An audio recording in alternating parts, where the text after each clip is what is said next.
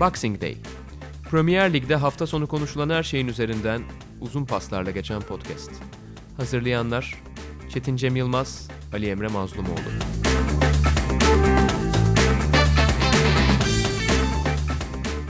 Sokrates Podcast'a hoş geldiniz. Premier Ligi konuştuğumuz program Boxing Day'de ben Ali Evren Azmoğlu, Çetin Cem Yılmaz'la birlikteyiz. United'la başlayacağız tabii ki. Çünkü hafta içi iki galibiyet, iki büyük galibiyet birden aldılar.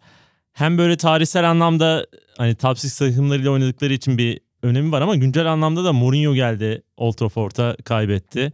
Diğer taraftan artık City United çekişmesi biliyorsun son dönemlerde artık kim daha iyi falan böyle bir hep bir tartışma haline almış. Almıştı. Orada da güzel bir galibiyet çıkardılar ki önemli olan City'nin sahasında bunu kazanmalarıydı.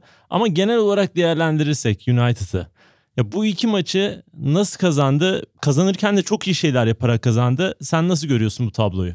Evet birkaç hafta önce yani bu programda bu yine bu koltuklarda ve bizim gibi yorum yapan herkesin tartıştığı şeylerden bir tanesi. Hani Emery mi önce gider, Solskjaer mi falan filan diye. Hatta bir ay önce yaptıkları karşılaşma hani El Sakiko olarak adlandırılmıştı. Hani kaybeden gider diye. O maç berabere bitince ikisinin görev süresi uzadı falan diye. Ama Manchester United'ın aslında Arsenal'e göre birazcık daha bazı açılardan daha e, iyi durumda olduğunu konuşuyorduk. Solskjaer'in birazcık daha fazla iyi işaret verdiğini konuşuyorduk. Hani şey gibi olacak zor durumlarda da hocamızın arkasında durduk gibi olacak ama gerçekten hani en azından elinin kuvvetsiz olduğu bazı durumları hani görüyorduk. Ama biz gidecek teknik direktörler adayları arasına yazmamıştık hiç. Evet ya yani konuşuluyordu ama biz evet yani e, hem United'ın onun arkasında duracağı biraz daha belliydi ama ya şimdi Aston Villa maçından sonra beraberliğinden sonra bu iki maçı da kaybetseydi şu an başka şeyler konuşuyor olurduk. Yani buradan çok çok iyi çıktı Hı-hı. Manchester United. Belki de bütün beklentilerin çok ötesine çıktı. Yani Tottenham yendikten sonra pek çok kişinin gözünde belki hani City karşısında yenilme kredisi bile vardı yani. Sonuçta bu takım Değil deplasmanlarda zaten problem yaşıyor. Ama hem iki maçı kazandı dediğin gibi çok anlamlı iki maçı kazandı. Yani Old Trafford'da Mourinho geliyor. Mourinho yani bu maçı kazanmak için yani içi içini yiyordur yani. Çok önemli bir mesaj verecekti kişisel olarak. Ee, Solskjaer adına çok önemli bir zafer oldu bu. Çünkü pek çok kişi şey karşılaştırmalarına başlamıştı. Yani Solskjaer geldi ama aslında takım çok da ileri gitmedi. Demek ki Mourinho'nun boşuna boşuna yemişsiniz falan filan diye. Kendini ispat adına kritik, anlamlı bir galibiyet oldu ki zaten hani Avrupa falan filan yolunda çok çok daha anlamlı bir 3 puan oldu bu. Şu anda 5.liğe yerleşti. City çok daha başka. Yani birkaç hafta önce Manchester City ile Liverpool karşılaştığında herkes şeyden bahsediyordu. Artık Premier Lig'in yeni rekabeti bu, imza rekabeti bu. Çünkü City United'ın yerini aldı falan diye. Yani tabii ki tek galibiyetle bütün resim değişmez. Ama United adına sadece Solskjaer adına değil. United adına çok önemli bir mesaj maçı da oldu bu. Hep konuşulan bir cümle vardır ya işte klas kalıcı form geçici diye biraz onun imzası gibi oldu. Şey Ferguson maç sonu Evet zaten onun da onun da bir sözü vardır. Hani ben yaşadığım sürece City hiçbir maça favori çıkmayacak.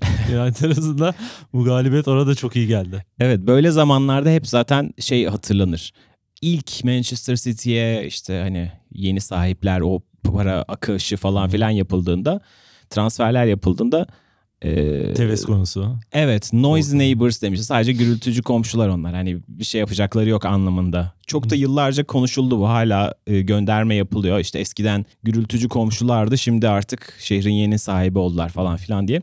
Bu anlamda hani Ferguson da çok mutlu olmuştur. Şüphesiz e, tüm United taraftarları da mutlu olmuştur. Hani neleri doğru yaptı derseniz maçtan sonra bunu aslında biz Liverpool maçından sonra da konuşmuştuk. Manchester United'ın bu oyun yapısı, bu oyuncu grubuyla sahaya koyabilecekler aslında bu tip maçlara daha uygun. Topu rakibe verdiğinde Martial'le ve Rashford'la özellikle Rashford çok formda açık alanı bulduğunda çok iş yapabilecek bir takım diye konuşuyorduk. Mourinho da benzer bir şeyden bahsetti aslında. Maç bittikten sonra dedi ki Manchester United bu maçları, zor maçları daha iyi oynayabilecek bir takım.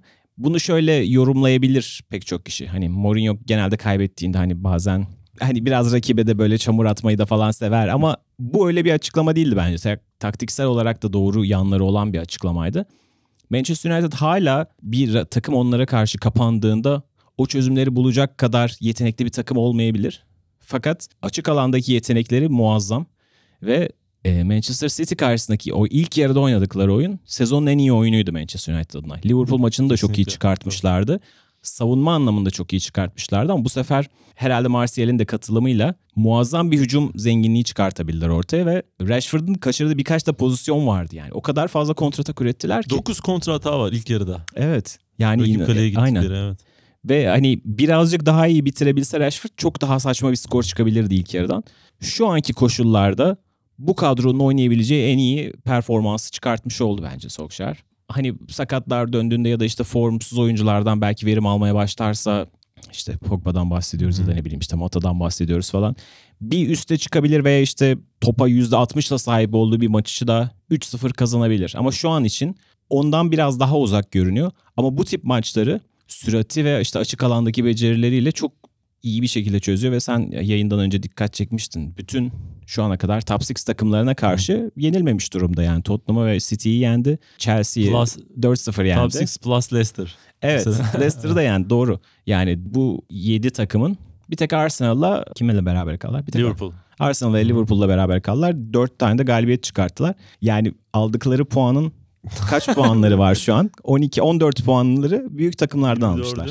24'ün 24'ün 14'ünü muazzam yani aslında çok büyük bir kontrast ve kötü bir yandan ama bir yandan da çok etkileyici. Ya ben de mesela onu düşünüyordum. Aldıkları bu galibiyet sonrası, City galibiyet sonrası aslında bir takım için, büyük bir takım yani United için böyle oynayarak kazanmak çok da böyle gurur duyulası, övünülesi bir şey değil. Hani genel olarak baktığında tabii ki şu anki durumda City'ye karşı deplasmanda kazanılan 3 puan e, Tottenham'ın içeride yenilmesi çok muazzam bir şey, çok önemli bir şey. Ama hani genel anlamda düşündüğünde Manchester United bu kadar geride bekleyip bu şekilde e, maç kazanması onların tarihsel kimliği açısından çok da iyi bir şey değil. Ama yani kadro buyken yapacakların sınırı belliyken Solskjaer'in burada teknik direktörlük becerisini göstermesi müthiş bir olay ki ben hani biz ara ara konuşuyoruz. Solskjaer'i çok seviyorum. Bu iki galibiyetten sonra biraz daha sevmeye başladım. Yani maçlardan bağımsız olarak söylüyorum. Yani bu dar kadroda bu işleri yapabiliyor olması anlamıyla söylüyorum. Ama şu şimdi kadro belli. Evet kapanıp kontra atak yapacak şekilde bir dizayn edilmiş bir kadrosu var. Yıllarda süre gelen yanlış transferler sonucu işte neredeyse altyapıdan 5-6 oyuncunun birden yani ilk 11'e çıktığı çok genç olarak bir durumdalar. Ama buna rağmen bu şekilde kazanıyor olabilmesi bence Solskjaer'in ileride de teknik direktörlük becerileri anlamında iyi ışıklar verebileceğini gösteriyor. Ben mesela şeyi çok merak ediyorum. Hakikaten elinde şöyle sağlam bir kadro olsa hücum da yapabilecek, possession'a işte sahip olabilecek bir kadro olsa acaba neler yapacak onu çok merak ediyorum. İleride de onu görmeyi çok istiyorum. İlginç de bir istatistik var. Bunu zaten Liverpool maçından sonra da konuşmuştuk. Şimdi o eski notları bulamadım. O zaman bir bakmıştım ben. Sanırım yanılmıyorsam hatırladığım kadarıyla sadece Norwich'e karşı topla oynama oranı yüksekken kazandığı tek maç o. Ya 50'nin üzerine çıkıp kazandığı tek maç o. Onun dışında hep 50'nin altında kazandı ki bir de şimdi konuşuyoruz ya Rashford, Martial, Daniel James bir de oraya Lingard da girdi. Lingard'ı da hani o kontra atak futbolunda tam %100 bir Lingard gördüğümüz zaman çok daha etkili bir oyuncu. Ya bu dörtlü cehenneme çeviriyor gerçekten geçiş hücumlarını. Evet. Gerçi Lingard'dan ben bir devamlılık beklemiyorum. Bunun hani onun hani o saman alevi çıkışları çok oluyor. Arada bir ay ya da birkaç hafta çok iyi oynadığı dönemler oluyor ama evet yani kağıt üstünde şu kadronun alabileceği artık hani verimi almış durumda. Hı. Ve dediğin çok doğru. Tam da ben ona bakıyordum bir yandan. Bu maçta %71 City topla oynuyor. %29 United. Şey diğer maçta da Tottenham maçında 54-46 yine Tottenham lehine.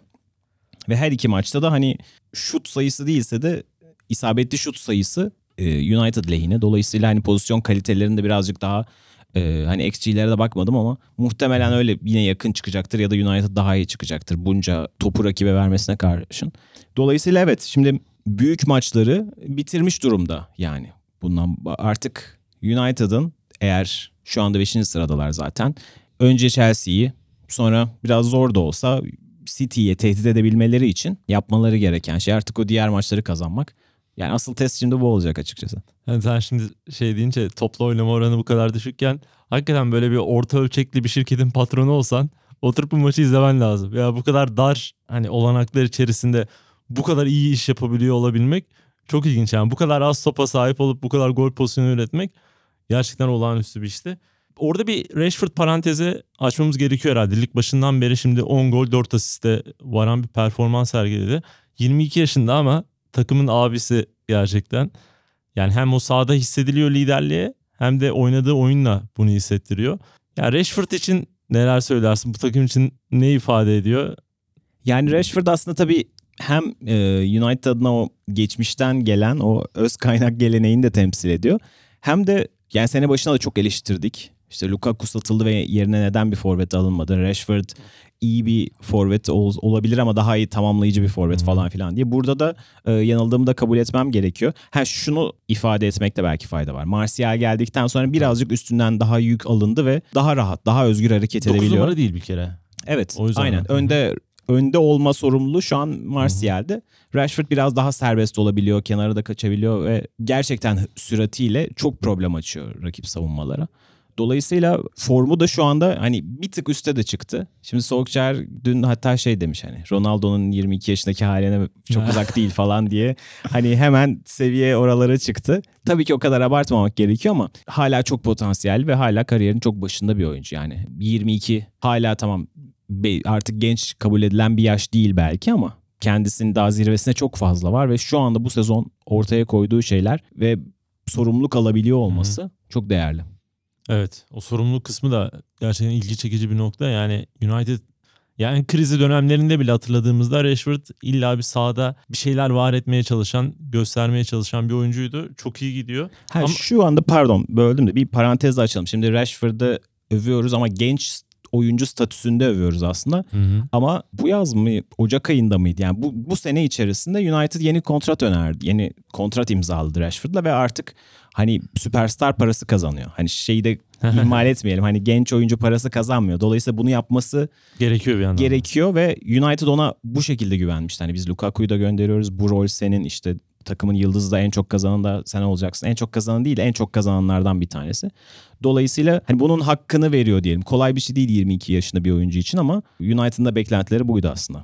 O zaman diğer tarafına bakalım. Manchester'ın mavi tarafına bakalım daha doğrusu. Orada da işler hiç iyi gitmiyor. Aslında birkaç programdır biz bunu dile getirmeye çalışıyoruz ne oluyor City'de diye. Hani Guardiola'nın neden en kötü sezonu bu sezon falan diye.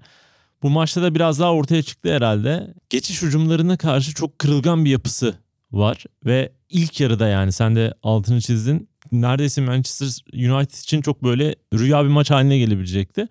Ya bu kadar savunmada alarm veriyor olmasının ya takım halinde bir türlü toparlayamıyor olmalarını neye bağlıyorsun sen? Yani aslında hep konuştuk. Ee, savunma gerçekten problemli ama artık hücumda da bence problemleri olduğunu konuşmak gerekiyor. Yani e, evet yani savunmada hep o bahsettiğimiz işte Fernandinho zaten yaşlandı ya da işte o geçen sene o hücumları kesen oyuncu Fernandinho'ydu ve arkası biraz daha sağlamdı. Hem Kompany vardı hem e, Laporte vardı. Şu an o üçgen tamamen bozulmuş durumda. Hatta bekler de geçen seneki bekler değil en azından. Sağ bek tamam aynısı da sol bek de değişti. Geçen hafta da konuşmuştuk. Aslında bayağı bir omurga kırılmış durumda. Onu yeniden inşa edemedi. Ama diğer taraftan bütün maçlarda hala topa çok fazla sahip olmasına karşın haftalardır hani Kevin De Bruyne'in büyüleri sayesinde gol buluyor. Yani sadece Newcastle'a attığı o inanılmaz gol değil. Bütün e, haftalardır attıkları çoğu gol Ya da Mahrez değil mi? Evet O ikisi. aynen. Bireysel birkaç işte Mahrez'in yaratıcılığıyla. Sterling ilk haftalardaki ateşinden çok uzakta. Agüero'yu zaten kaybettiler. Ha Burnley maçında hani ilk sezonun başlarını ve geçen seneki Manchester City'yi anımsatan bir golcülük performansı vardı ama şimdi son 7 maçta 2 galibiyet var. Ki Chelsea galibiyeti bile hep bir şerh düştüğüm bir maç. Hep söylüyorum yani o maç aslında skorun yansıttığı bir maç değildi yani rakibe topuyla tüfeğiyle hani %65 topla oynamasıyla 70 topla oynamasıyla işte rakibin üzerine çöken City bir türlü o pozisyonları bulamıyor. Yani geçen hafta sonu da 2-1'e getiren golü bile çok çok zar zor attılar ki hani United tamamen kapanmış durumdaydı. İlk yarıda muazzam kontrataklar yaptılar. İkinci yarıda biraz onu da yapmadılar. Tamamen kapandılar. Bir türlü açamıyor artık yani savunmaları. Bence savunmadan çok artık hücum problemini konuşmak gerekiyor diye düşünüyorum. Bir yandan öyle ama savunmada bence City'yi City yapan özelliklerden biri. Yani 100 puan, 98 puan alabilmesinin nedeni ya bu geçiş hücumlarında özellikle rakip takıma hiç yani bir ufak bir şans bile vermiyor oluşuyordu. Yani geçen sene yanlış hatırlamıyorsam böyle rakibe hiç şut şansı vermeden bitirdiği maçlar falan Hı hı. olmuştu yani. Kaleyi bulan şutu geçti mi? Şut Hı hı. çektirmeden. Ya burada hani ne geçen seneden farklı diye düşündüğümde tabii ki oyuncular hani senin söylediğin gibi Laporte'un olmaması, Fernandinho'nun oraya kayması ki Fernandinho da tamam bir yerden kotarıyor ama çok da yeterli değil savunma oyuncusu olarak. Evet. Onun önündeki Rodri'nin bence büyük sıkıntısı var. Yani ne hücum anlamında ben hani çok bir şey katabildiğini düşünüyorum. Savunma anlamında da birçok şeyi götürdüğünü düşünüyorum. Hani böyle rezalet performans falan böyle bir şey bahsetmiyorum ama City ayarında hiç olmadığı kesin yani böyle bir durumda. Yani bek konusunda zaten sol bekte çok ciddi bir zorluk var. Ya bu, arada Pep Guardiola'nın işi gerçekten çok zor. Ya bu kadar sakat varken özellikle savunma bu haldeyken bir takımı toplamak çok zor bir iş. Özellikle hani Guardiola'nın oyun biçiminde hani o inverted back dediklerimiz hani full o kadar önemli olduğu pozisyonda sol bekte sürekli bir açık olması onun oyun anlamında da çok zor. Lua işaret ediyor ki hani sen şey bilirsin bu e, Guardiola'nın hani tarih sahnesinde sunduğu şeylerden birine beklerin daha böyle içeride derinde rakip beklemesi. Hani aslında rakibin transition'ına engel olmak için bunu Almanya'da geliştirdi. Bilinen bir şey Guardiola'nın. Abi şimdi onlar olmayınca o aksayınca o kadar kırılgan bir yapıya büründüler ki kaybettiği maçlara baktığımızda yediği goller gerçekten birbirine çok benzer. E bu böyle olunca abi çok savunmada güvensiz bir takım ortaya çıkınca hücumu da dolayısıyla etkiliyor diye düşünüyorum. Evet yani hep ta Barcelona zamanından bu yana Guardiola takımların imzası belki topa sahip olmadır ama insanların çoğu zaman göz ardı ettiği şey o topa sahip olmanın anahtarı topu geri kazanma. Hı, tabii. Ve gerçekten hem Barcelona çoğu kişi sadece işte Messi'nin, Xavi'nin, Iniesta'nın olağanüstü performansıyla hatırlar. Ama o inanılmaz çabuk şekilde presle topu geri kapan ve yine tekrar hücuma dönen bir takımdı Barcelona. Bunu zaten e, Bayern'de de Manchester City'deki ikinci ve üçüncü sezonlarında da muazzam yaptı. Mesela geçen sezon değil ondan önceki sezon şampiyon oldukları ilk sezon bir Conte'nin Chelsea Conte'nin miydi ya? Sarri'nin. Chelsea maçı vardı. Çünkü e, videoları falan ortada dön, e, dolanmıştı. Dinleyicilerimiz hatırlarlar muhtemelen. Bir yerden sonra Chelsea'li oyuncular artık sıkılıyorlar ve koşmuyorlar. Çünkü pres yapabilirsin. Conte topu ya. geri Conte Mesela, zamanıydı evet. değil mi? Gitmiyor top önündeki Artık topa. evet O- Fabregas'tı galiba hatta zaten. Hani artık bir yerden sonra pres işte yapmaktan gittiği sıkılıyor. dönem. Evet. Çünkü paslaşıyorlar. Artık oradan sonra Silva ile De Bruyne'in paslaşması da böyle al gülüm ver gülüm oluyor. Çünkü rakip de gelmiyor. Artık hı. çünkü topu kaptıktan sonra hemen kaptırmaktan bıkmıştı. Yani Chelsea. Çok e, hani üzücü bir durum ama yani bu kadar yıldıran bir durum vardı. Bu sene City'de bunu da göremiyoruz. İşte pek çok sebebi var bunun. Bazı kilit oyuncular çok e, yani iki sene yaşlanmış durumda o, o yıla göre. Çok fazla sakat var. İşte bahsettiğimiz Fernandinho zaten bir sene yaşlandığında geçen sene o işaretleri biraz veriyordu ama onu da biraz hem taktik bilgisiyle hem de işte karanlık sanatlar denen hani işte Yugoslav faulleriyle falan filan bunu hissettirmiyordu. Şu an artık o oyunları oynayabilecek kimse kalmadı orta sahada. İşte Rodri, İlkay ikilisi onları tam olarak yapamıyor çünkü orada tamamen işte o boşluk oluşmuş durumda. Ama her anlamda fiziksel olarak da bir düşüş var gibi bilmiyorum. Bu belki mental olarak da açıklanabilir. Ya da işte yavaş yavaş fark bir kere açılmaya başladıktan sonra biz buradan yetişemeyeceğiz hissi oluştu belki de ve futbolcuların otomatikman kafası belki Şampiyonlar Ligi'nde çalışmaya başladı. Bunu tam olarak Evet. bilemiyoruz ama hani kolay kolay artık geri düştüğünde ya City buradan kesin çevirir diyemiyoruz. Yani Southampton maçında bile hani geri dönmeyi başarmışlardı ama orada bile bir hafta öncesinde 9 gol yiyen bir takıma Hı hı. bayağı zor diş geçirebilirler ve 90'dı galiba değil mi? Bir 75 ve 90 gibi Evet, son- dakikalarda son alabildiler. dakikalarda. Hem aynı gün Liverpool'un da Aston Villa karşısında geri dönüş yaptığı gündü. Yani işte bakınca 7 maçın sadece ikisini kazanabilmiş bir City var. Bayağı bu artık hani ciddi bir formsuzluğa işaret ediyor. Evet sorunlu bir takımdan böyle sorunsuz bir takıma geçelim. Neredeyse hiç sorunu olmayan Liverpool'a. Yani hafta içi derbi maçı oynadılar ve 5-2 gibi çok böyle kesin bir galibiyet aldılar. Ardından da Bournemouth deplasmanına gidip orada da 3-0 çok çok rahat bir maç oynadılar ve rahat da bir galibiyet aldılar. Asıl ilginç olan ve belki de konuşmamız gereken şey Keita attığı golle birlikte Liverpool'un bu sezon gol atan 16. oyuncusu oldu. Ya 16 tane oyuncu gole katkı vermeyi bırak gol atmış oldu. Ben şeyi o sırada sana da yazdım. Hakikaten ben anlamıyorum yani. Mesela Şakir abi uzun süre oynamamış bir adamın Everton maçında çıkıp bu performansı göstermesi. Hani bir iki oyuncu böyle olabilir de. Yani Keita aynı, Origi aynı, Şakir aynı. Yani nasıl bu oyuncular bu kadar formda ve bu rotasyonun bu kadar iyi işlemesinin sebebi ne anlayamadım ben açıkçası. Evet yani artık burada tamamen Klopp'un takım üzerindeki hakimiyetinden bahsetmek gerekiyor. Çünkü zaman zaman hani bu sene tabii ki olmuyor artık da. Geçen senenin ilk yarısında falan bile e, işte Klopp'a böyle kadro eleştirileri olurdu. Fabinho'da hep konuşuyoruz. Kadroya çok geç girdi. Keita ilk başta direkt olarak oynamaya başladı. Sonra kesildi. Sonra sakatlıklar da yaşadı zaten de.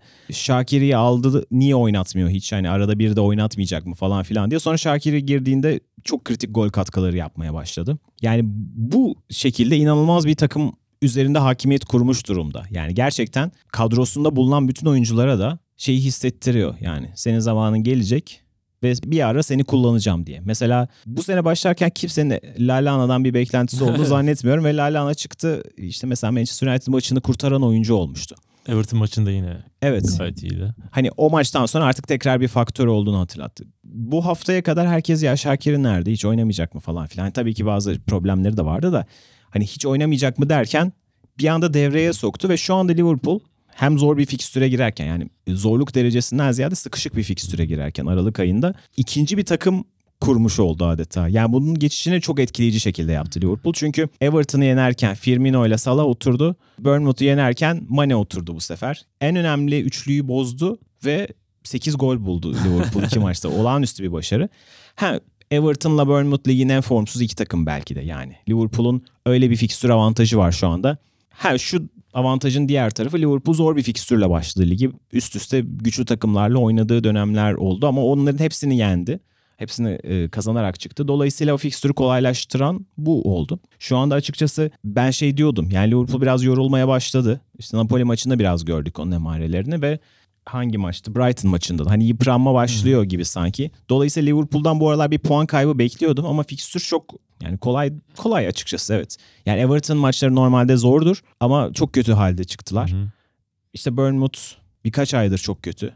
Özellikle King'in yokluğunda hani hiç bir şey üretemediler. Maçı da çok isabetli şut atmalar falan bitirdiler. Yani hiç ligin genelde böyle keyif veren şey takımlarından bir tanesidir. Evet, çok rahat maç oldu. Evet yani hiç iki haftalardır hep söylüyorduk Liverpool gol yiyor gol yiyor diye. Bu sefer gol de yemediler. Bu anlamda işte dediğimiz gibi kaç 16 oyuncudan gol katkısı aldı Liverpool. Yani her oyuncunun bu kadar hazır ve direkt girince skor katkısı yapabiliyor olması çok etkileyici. Şimdi ben şey parantezi açacağım. Çok sevdiğim bir oyuncu olduğu için biliyorsun Keita. yani bir kere çok iyi oynadı. Ufak tefek hatalar yaptı. Özellikle işin savunma boyutunda ama hücum boyutunda bir gol bir asistlik bir katkısı var. %94'e varan bir pas isabeti var ve bu pasların büyük bir çoğunluğu rakip yarı alanda. Asıl önemli olanı bu. Ya ben Keita'nın Liverpool'a monte olduğu her koşulda, ilk 11'ine girebildiği her koşulda Liverpool'un belki bir seviye çok iddialı olacak ama böyle 0-20 çeyrek seviye falan atlayabilecek. Çünkü daha nereye atlasın hangi seviyeye çıksın. Bir oyuncu olduğunu düşünüyorum. O yüzden Keita'nın takıma bu şekilde dönüyor olması beni çok hani mutlu etti Liverpool izleyicisi olarak. Ve maç sonunda şöyle bir açıklaması varmış. Sonradan gördüm ben Klopp'un. Keita'yı şu ana kadar bazı sebeplerle oynatamadık. Ama bugün yeni bir oyuncu kazanmış gibi olduk dedi. O da ona ayrı bir parantez açmış. Çünkü hem taraftarın ondan beklentisi yüksek hem Klopp'un ondan beklentisi yüksek. Çünkü özellikle gol yediğinde kapanan takımlara karşı sıkıntılar yaşadığı maçlar oldu. İşte o sıkıntılı maçlarda Keita'nın önemi çok daha ortaya çıktı ve çıkacak diye düşünüyorum. İşte formda bir Keita, işte en azından süresi artan bir Keita olursa e, Liverpool'un bu konudaki sıkıntılarının da daha da azalabileceğini düşünüyorum. Evet Keita'nın biraz Oxlade Chamberlain'le benzer bir şeyi var bence. Hani o direkt dalışları çok iyi yapabiliyor ve savunma dengesini çok bozabiliyor. Belki işte Leipzig'ten gelmeden önce herkesin kafasında hani çapa olacak falan vardı. Hani orayı da oynayabiliyor ama Liverpool'a şu anda asıl katması gereken şey mücadelesinin ötesinde. Çünkü herkes mücadele ediyor Liverpool'da. Herkes pres yapıp top kapıyor. Onun o e, ceza sahasında hem driplinglerle hem de işte verkaçlarla sürpriz dalışları bunları da işte çok güzel bir şekilde yaptı Bournemouth maçında ve dediğim Salah gibi maçında, ay Salah maçı diyorum. Salah'la yaptığı o verkaç çok güzeldi özellikle. Evet. Ha. Bu maç adına belki evet artılardan bir tanesi Salah'tan da bahsetmek Hı. gerekiyor. Çünkü formsuz bir dönemden geçiyor. Kendi standardına göre. Hani Liverpool'daki 3. sezonu belki en uzun hani tam anlamıyla bir kuraklık yok. Gol buluyor ama aslında işte ilk iki sezondaki temposunda değil. Ama bu sefer hem hücumu tek başına yönetti. Hı. Çok sık yaptığı bir şey değil yani. Gerçekten hani inisiyatifi alan oyuncu oldu. Dolayısıyla hani golü daha sonra buldu ama bütün hücumlarda payı vardı. Dolayısıyla Salah'ın o etkisi de Liverpool'un da pozitifti. Tam Liverpool'ların kabuslarına girecek hisler ortaya ya çıkıyor demeyeyim de ya şundan bahsediyorum aslında. Şimdi Liverpool şampiyonluk rakiplerine hani böyle geleneksel rakiplerine 10'ar 20'şer puan fark atmışken bir türlü zirvede puan farkını aştırmayan bir takım var orada. Leicester var. İnanılmaz bir performans sergiliyorlar. Yani son 8 maçın 8'ine kazandılar. Hafta içi Watford'ı hafta sonunda Aston Villa'yı yendiler. Ya özellikle Aston Villa maçını izledim ben. Bölüm bölüm izledim ama uzunca bir bölümünü izledim. Çok rahat oynadılar. Yani özellikle gole gidişleri, gol buluşları o kadar rahattı ki Leicester'ın. Ee, sanki hani böyle bir top 6 altında kalan bir takım değil. Rahatça oralarda yıllardır orada olan o özgüvene sahip, o olgunluğa sahip bir takım görüntüsü verdiler. Şimdi şey de var. Fiksür meselesini de birazdan konuşuruz ama böyle içinde sanki böyle bir zorlayacak Liverpool şampiyonluğu zorlayacak en azından bir yere kadar bir his var mı senin içinde de?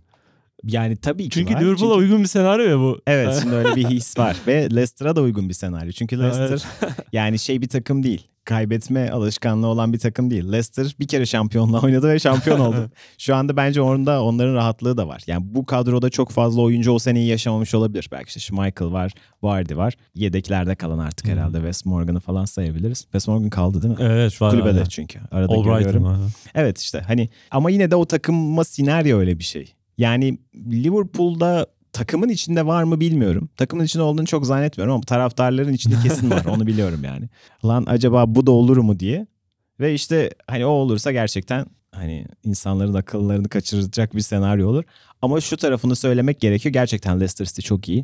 Şu an böyle dediğin gibi hani iyi bir başaltı takımı falan değil. Bayağı çok iyi bir takım gibi oynuyor. İngiltere'nin en iyi iki takımından bir tanesi gibi oynuyorlar. Ve Avrupa'nın en iyi takımlarından bir tanesi şu anda. Yani Leicester City. Ve Şampiyonlar Ligi'nde oynamıyorlar ama diyelim ki Şampiyonlar Ligi'nde gruptan çıktıklarını varsayalım. Son 16'da yani Juventus'la eşleşseler kesin Juventus elerdi diyebilir misin? Pek diyemem ben açıkçası. Ya da Atletico Madrid. rezalet yani şu sıralar. mesela.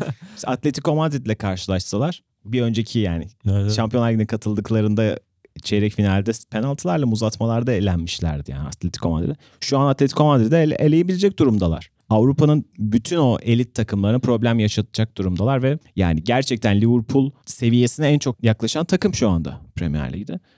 Evet birkaç hafta sonra iş gerçekten ortaya çıkacak. Çünkü bir ay önce e, Anfield Road'da iyi bir oyun sergilediler ama Liverpool aslında baştan sona domine etti oyunu. Ama Liverpool yine de son dakikadaki penaltıyla kurtuldu. Yani o puanın da değeri şu Tartışmalı an bir- daha da evet Evet. aynen yani VAR'a gitmese vermeyecekti falan filan. Çok daha öneme artan bir puan oldu. Şimdi Norwich'le oynuyorlar. Ondan sonra galiba iki tane çok kritik. Hem Manchester City ile Liverpool'la Arda arda. Evet işte Boxing Day fikstüründe e, arka arkaya oynayacaklar. Ya o dönem biraz gösterir açıkçası. Leicester City'nin şampiyonluk adayı olup olmadığını ama şu anda 8 puan çok önemli bir fark gibi görünmüyor. Evet çünkü 3 maçtan bahsediliyor ve hala Liverpool'la evinde oynayacak. Dolayısıyla Leicester City adına bundan bahsedebiliriz. Ve Vardy inanılmaz gidiyor. Şu anda üst üste 8 maçta gol attı.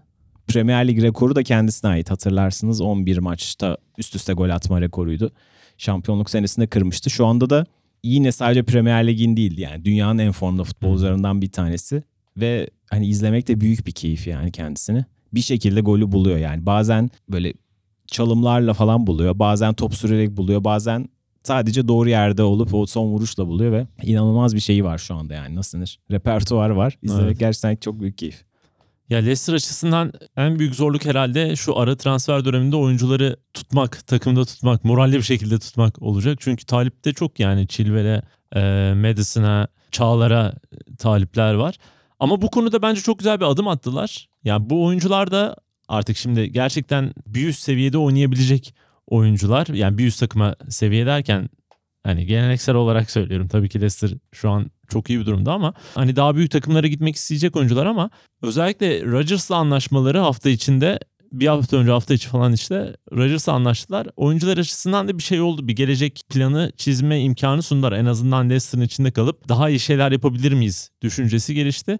Şimdi de şeyi deneyeceklermiş okuduğum kadarıyla işte bu gitmesi gündemde olan bütün oyunculara çok ciddi kontrat teklifleriyle gidip uzun böyle 5-6 senelik anlaşmalar yapmayı deneyeceklermiş. Eğer o işi de başarılı bilirlerse Leicester yani sadece bu sene değil belki gidecek sene için bile bilmiyorum yani konuşulabilir mi şampiyonluk oranı ama en azından bu ligin üst sıralarına aday olacak bir takım haline gelecek. Yani bu orada proje çok iyi ilerliyor hakikaten. Hı hı. Yani zaten şampiyonluk senesinden bu yana hani hiçbir şeyin o kadar da tesadüf olmadığını hep konuşuyorduk yani. Ee, Leicester'ın adım adım gittiğini. Ya tabii ki bir sene önce küme düşmemeye oynayan bir takımın şampiyon olması belli anlamda mucizelerden bahsedebileceğimiz bir durum ama pek çok açıdan da e, işte bu oyuncuları bulmaları olsun, Hı. geliştirmeleri olsun ve hatta değerini bulduğunda satmaları olsun. Yani e, Leicester City adına pek çok şeyi doğru yaptıkları ortada. Yani Claude Puel'i de getirdiklerinde ilk başta çok oyuncularla biraz daha kopukluk yaşandı. İyi yönetilemedi o ama en azından geçen sene de saygıdeğer bir yerde bitirdiler ligi. Yani bir önceki seneden bahsediyorum. Evet. Ve sonrasında işte Rodgers'la doğru yerde anlaştılar. Şunu söylemek gerekiyor yani bu seneyi bu oyuncu grubuyla bitireceklerdir. Ama yazın işte Çağlar'ı satabilirler mesela. Çünkü bunu bu- buna çok uzak bir takım değil yani. Maguire'ı sattılar bu sene. Ondan önceki yıllarda işte Kante ile e, Mahrez'le yolları ayırdılar. Onların yerini çok iyi doldurabilen bir takım yani. Açıkçası bir kulüp için asıl başarı da budur. Ha şu bir özgüven açıkçası.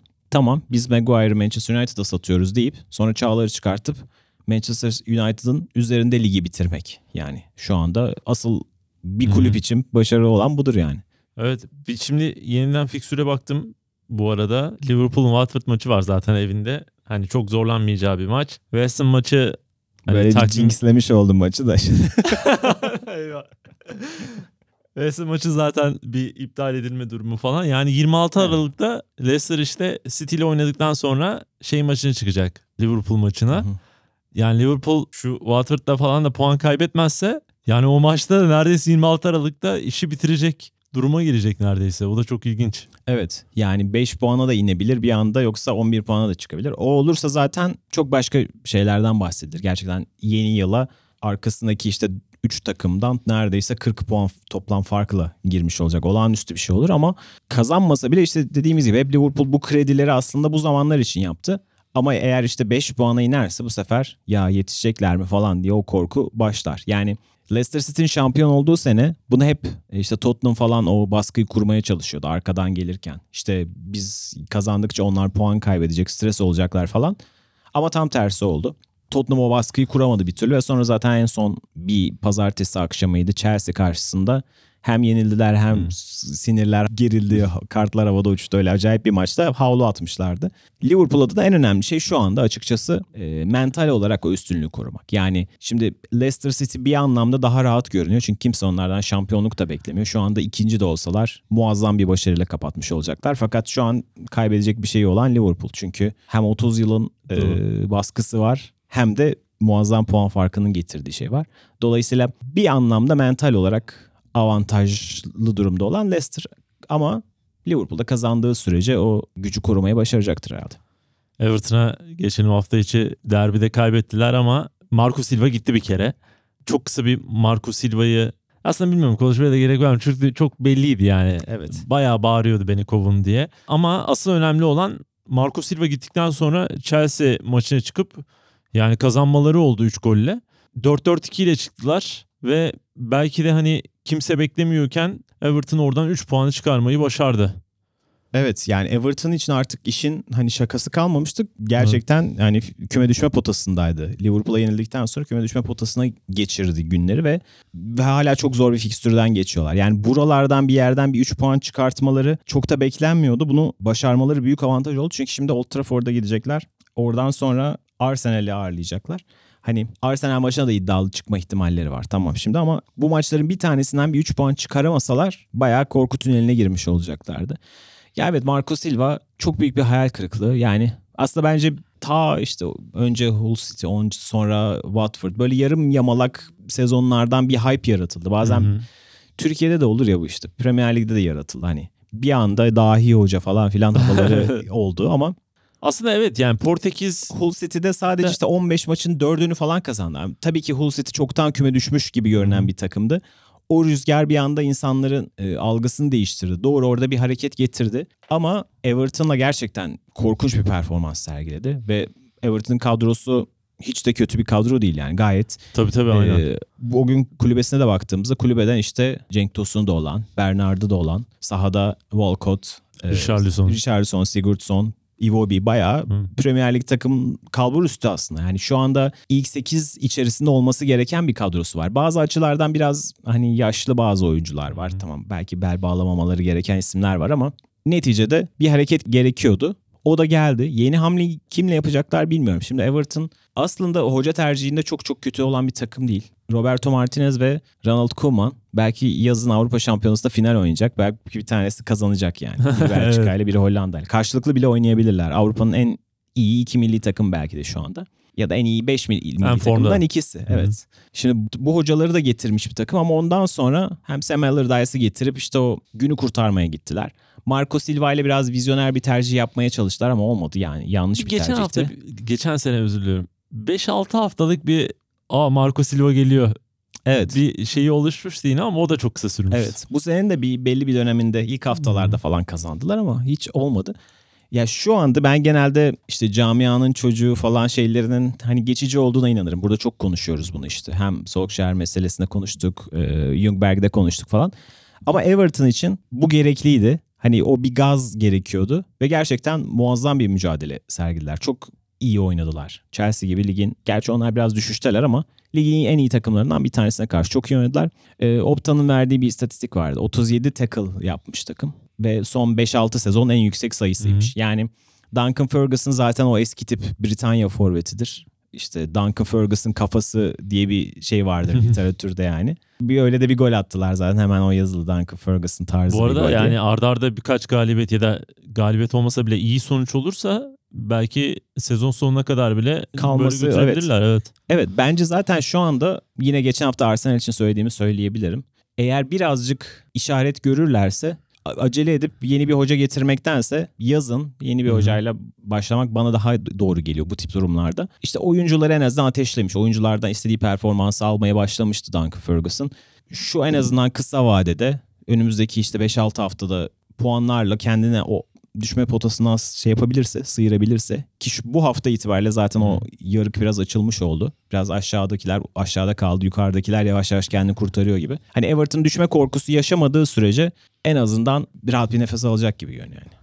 Rahat bir nefes alan başka bir takıma geçiyoruz. Bu programda bir parantez açacağız. Newcastle'da onlar da iki galibiyet aldı. Program öncesinde biraz konuştuk. Yani maçlara bakınca böyle çok da tatmin eden inanılmaz bir savunma performansı, çok iyi goller falan gibi bir ya da çok iyi geçiş hücumu bularak goller şeklinden ziyade Dubrovka'nın işte çok ciddi bir performans ortaya koydu. Zaten kaptan Shelby'di yanılmıyorsam değil mi? Yani onun 3 maç arda arda herhalde gol attı. Bir anda baktığımızda böyle büyük takımlara karşı gerçekten zor anlar yaşatan, savunmasıyla bir şekilde rakip takımı canından bezdirebilen, özellikle bazı maçlar için söylüyorum. Ve özellikle Maximen ve Almiron gibi oyuncularıyla dripling yaparak çok hızlı rakip sahaya geçen bir takım var ortada ve bu takım bir anda böyle bir hype yaratıyor yani şu sıralar. Özellikle büyük takımlara karşı aldığı puanlar şimdi ardarda arda iki galibiyet. Sen Newcastle'ı nasıl görüyorsun? Yani şimdi ilk onun içine girdiler. Burada kalıcı olabilirler mi sence? Ya çok kalıcı olurlar mı ondan çok emin değilim. Çünkü orası çok karıştı. Ama Newcastle için en önemli olan şey kendilerini o şeyden kaostan sıyırmalarıydı yani. Enteresan olan hep bahsettiğimiz çok geleneksel sanki championship futbolu oynuyor gibiler. Hep bundan bahsediyorduk. O Rafael Benitez zamanında da. Ama dediğin gibi bu sene kendilerine işte son iki sezonda diyelim.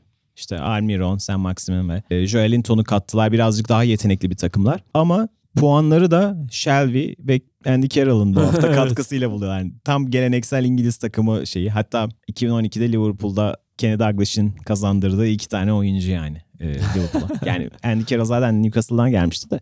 Bir yandan o geleneksel korakor futbolla falan puan alan bir e, Britanya takımı görünümünde. Zaten Steve Bruce'un takımından bu kadar da yani şaşırmamak da lazım. Normali bu belki. Ama o gün e, sadece Newcastle özelinde değil de enteresan bir pazar seansı oldu. Aynı anda işte Aston Villa Leicester'la oynuyordu. Norwich Sheffield United ağırlıyordu. Ve Southampton Newcastle karşısında 1-0 öndeydi. Norwich öne geçti. Aston Villa da oyuna iyi başladı. Hatta bir tane topları direkten döndü. El Gazi sanırım boş kale sayılabilecek bir pozisyonda üst direğe nişanladı topu. Ya bir anda alt taraf çok acayip karışabilirdi. Ama sonra Newcastle geri dönüp kazandı. Sheffield United kazandı. O son 3 dibe çökmüş oldu açıkçası. Bu sene bu sezonun kolay kolay kurtaramayacak 3 takımı gibi görünüyor. Hem Aston Villa hem daha doğrusu bu dörtlüden 3'ü gidici gibi Evet, görünüyor. Watford'u da evet. satar, sayarsak. Watford, Southampton, e, Aston Villa ve Norwich'ten bahsediyoruz. Dolayısıyla bütün bu kalabalıktan kendini sıyırıp 22 puanı atmış olması Newcastle için büyük bir başarı. Evet. Ya bir yandan bu tartışma benim hakikaten ilgimi çekiyor. Geçen sene hani Gary Neville'ın böyle çok sert bir çıkışı vardı ya Manchester City maçından sonra Rafael Benitez'e işte böyle bir oyun ortaya koymak utanç verici bir şey diye. Ama işte o da şey demişti. Ya yanlış hatırlamıyorsam işte topa sahip olma felsefesi medyaya hitap eden bir şey. Futbolun gerçeklerinde her zaman böyle bir şey yok diye. Bazen %20 ile topla oynayıp kazanmanız gerekiyor diye. Bruce de işte biraz denedi. Biz değiştireceğiz. Ee, Newcastle daha çok topa sahip olan takımı yapacağız dedi ama ardarda arda işte hezimetler 3-1 5-0 falan gelince e, buna döndü. Şimdi bunda kazanmaya başladı. En azından konuşulan bir takım haline geldi ya. İşte bu tartışmada benim hoşuma gidiyor yani. Bu tür oynamak gerçekten futbol için kötü bir şey mi? Yoksa başka çarem yok tartışması. Belki Newcastle biraz daha bunu tartıştırıyor olacak. Yani ben hani doğru futbol diye bir şey yok bence. Her elinizdeki işte 11 ya da işte 18 20 oyuncunun artılarıyla eksileriyle kazanırsınız. Yani bazen elinizde meşhur Tony Pulis örneği var. Elinizde iyi bir tane taç atan oyuncu varsa o taç atan oyuncunun üzerine oyunu kurabilirsiniz. Ya da İzlanda milli takımıydı. evet aynı o zaman da Rory Dell yaptı. Şimdi İzlanda milli takımı için de söylenebilir. İşte iyi bir tane korner atan oyuncunuz varsa o korneri kazanmak için uğraşırsınız. Sonra işte stoperlerinizi ileri sürersiniz falan. Bir dolu metodu var bu oyunda o üstünlüğü kurmanın. Ve şu anda Aston Villa, Southampton ve gerçi Southampton'ın biraz kadrosu fazlasıyla zayıf ve yetersiz kalıyor Hasenhüttl'ın kafasındaki oyuna da. Ve Norwich yani birazcık daha kıta Avrupası futbolu oynamaya çalışan takımlar bunlar. Biraz daha tırnak içinde modern oynamaya çalışan takımlar ama şu anda sıralamadaki durumları çok iç açıcı değil. Hatta bunlara Bournemouth'u da katabiliriz. Yıllardır hücum futbolunun hani kalesi olmuştu Premier Lig'de. Yeni gelip de bu kadar hücum oynayıp da kalıcı olan çok takım yoktu. Onlar da şu anda serbest düşüşteler. Az önce bahsetmiştik. Bu takımların hemen hepsine çok büyük sempatim var. Özellikle Aston Villa konuşuyorduk. Yani düşerse çok üzüleceğim. Çünkü isterlerse işte Liverpool'da gelse, Arsenal'da gelse sürekli hücumu düşünen çok çok keyifli bir takım. Ve çok yetenekli ayakları var. Premier Lig'de çoğu takıma hani nasip olmayan Hı hı. herhalde Premier Lig'deki o top 6'ı dışarıda bırakırsak 14 kalan takımın en yetenekli birkaç takımından bir tanesi diyebiliriz. İşte Jack Grealish olsun, McGinn olsun, El Ghazi, Trezeguet. Bir dolu aslında hem oyun adam eksilten, işte uzaktan gol atabilen falan çok yetenekli oyuncular var ve çok da pozitif oynuyorlar. Ama artık kafa kafaya geldikleri takımlardan artık kesinlikle puan almaları gerekiyor. Yani onlar düşerse özellikle çok yazık olacak. Fakat bahsettiğin gibi yani şu anda Premier Lig'de sadece Premier Lig'de değil her zaman pragmatik sonuç alan takımlar olacaktır. Ve işte bazen göze çok hoş gelmese de kazanmanın yolunu bulmaktan geçiyor sonuçta bu iş. Evet Premier Lig ciddi bir hız kazandı, tempo kazandı. Ocağın başına kadar da bu tempo düşmeyecek. Biz de bu tempoyu yakalamaya çalışıyoruz. Haftaya yeniden e, ligin öne çıkan başlıklarıyla birlikte olacağız. Şimdilik hoşçakalın. Hoşçakalın.